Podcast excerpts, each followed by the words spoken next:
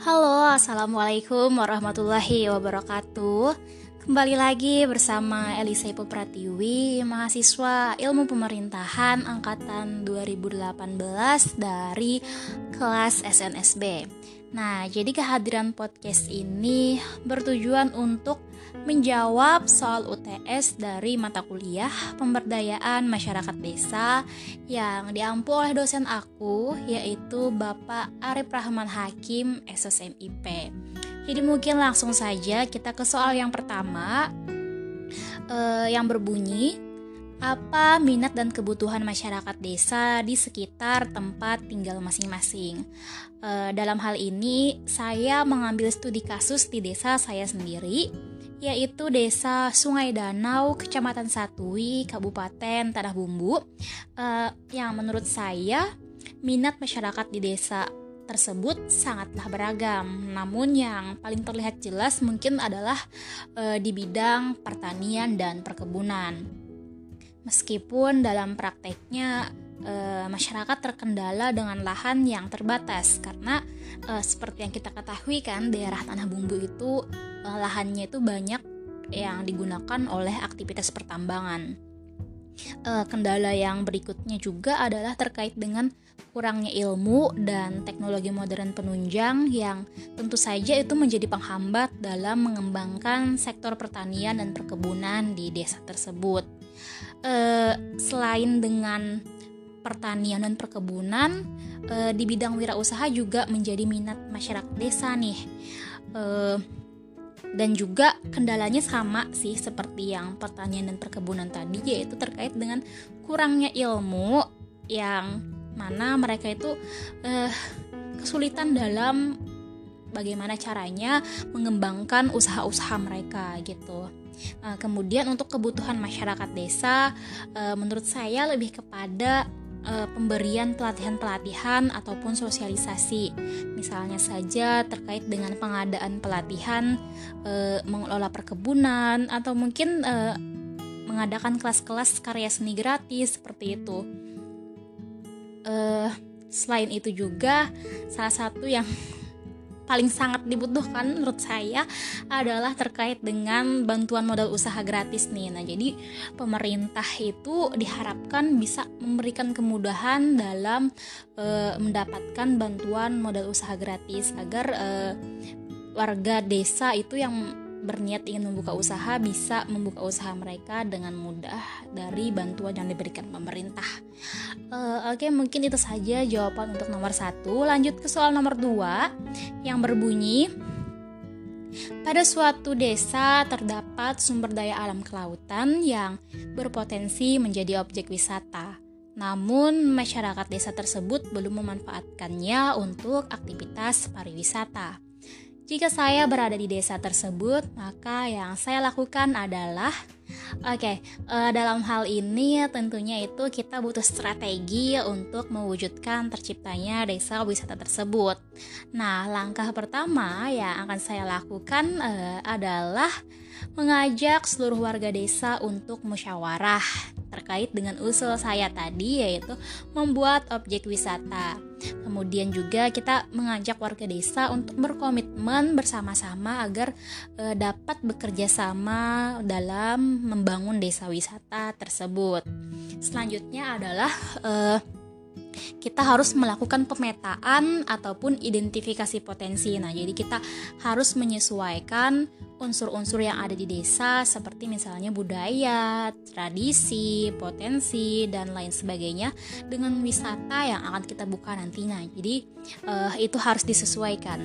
Selanjutnya adalah kita perlu melakukan studi banding dengan desa lainnya yang memiliki potensi sumber daya alam yang sama. Misalnya, eh, desa B sama-sama memiliki potensi sumber daya kelautan. Nah, kita uh, lakukan studi banding tuh di, di desa B ini seperti apa prosesnya bagaimana. Situ kita agar kita dapat mendapatkan ilmu dari desa yang sudah e, menjalankan wisata tersebut. Nah, Selanjutnya adalah dengan cara melakukan konsultasi dan konsolidasi dengan oknum-oknum terkait seperti misalnya aktivis lingkungan, kemudian konsultan pariwisata dan lain-lainnya. Jadi eh, kita melakukan diskusi terkait bagaimana nih caranya eh, agar dapat mm, mengembangkan sektor pariwisata tersebut. Kemudian kita diskusikan terkait bagaimana dampak lingkungan dari adanya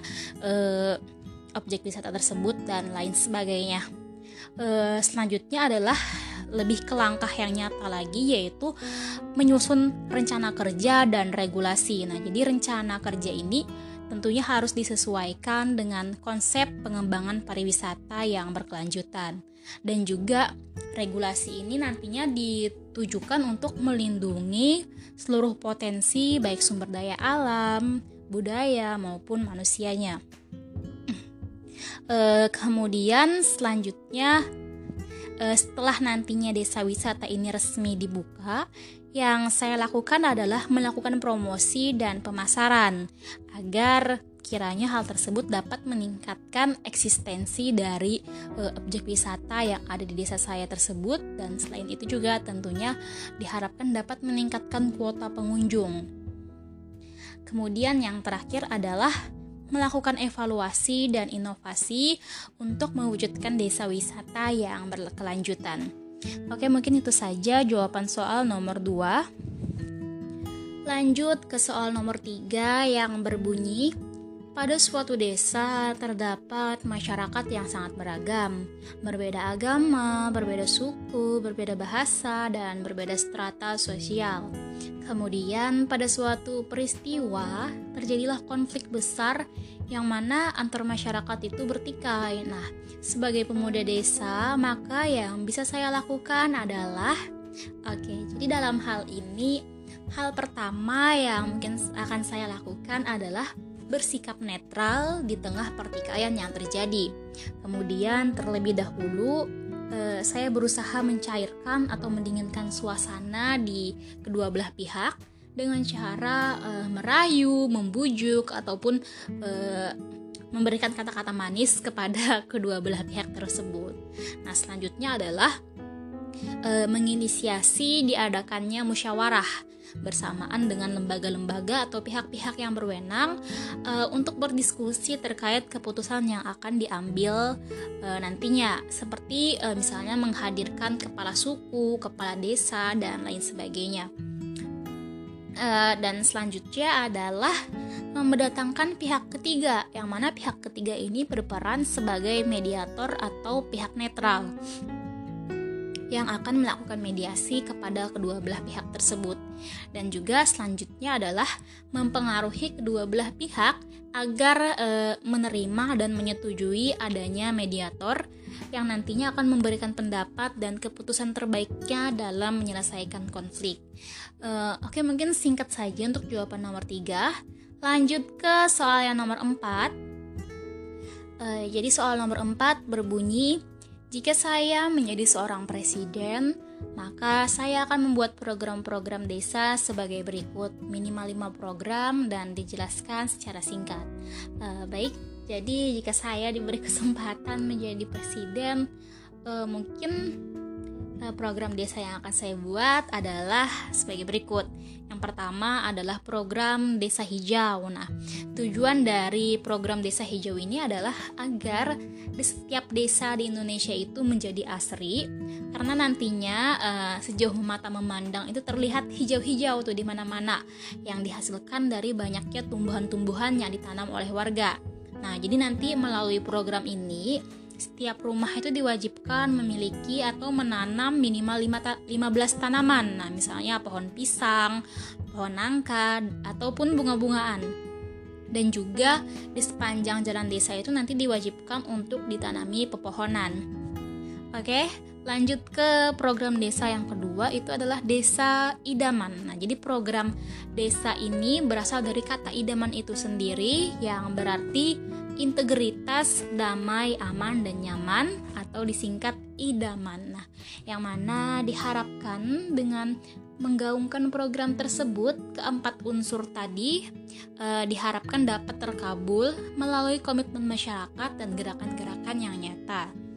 Uh, program yang ketiga yaitu adalah program Desa Sejuta Produk. Nah, Maksud dari program ini adalah dengan mewajibkan setiap rumah untuk membuat produk, baik itu berupa karya seni maupun produk olahan makanan dan lain-lainnya. Nah, hal ini dimaksudkan agar dapat meningkatkan kreativitas masyarakat. Selain itu, nantinya diharapkan produk yang dihasilkan dapat meningkatkan perekonomian masyarakat. Uh, lanjut ke program yang berikutnya, yaitu program Destapeng. Nah, jadi program Despa, Destapeng ini artinya adalah program desa tanpa pengangguran. Nah, hal ini dimaksudkan agar semua warga desa, khususnya kepala keluarga dan pemuda desa itu memiliki pekerjaan dan penghasilan untuk memenuhi kebutuhan pribadi maupun anggota keluarganya sehingga bagi mereka yang belum memiliki pekerjaan nantinya akan didata dan dibantu untuk mendapatkan pekerjaan yang sesuai dengan passion mereka. Oke, lanjut ke program e, desa yang terakhir yaitu adalah desa berdikari atau berdiri di atas kaki sendiri. Nah, hal ini dimaksudkan agar seluruh masyarakat desa itu dapat mandiri dalam mengelola dan mengembangkan potensi sumber daya alam ataupun sumber daya manusia yang ada. Nah, mungkin itu saja jawaban-jawaban dari soal UTS yang diberikan oleh dosen saya. Uh, semoga jawabannya dapat dipahami dan semoga dapat menambah uh, ilmu kita.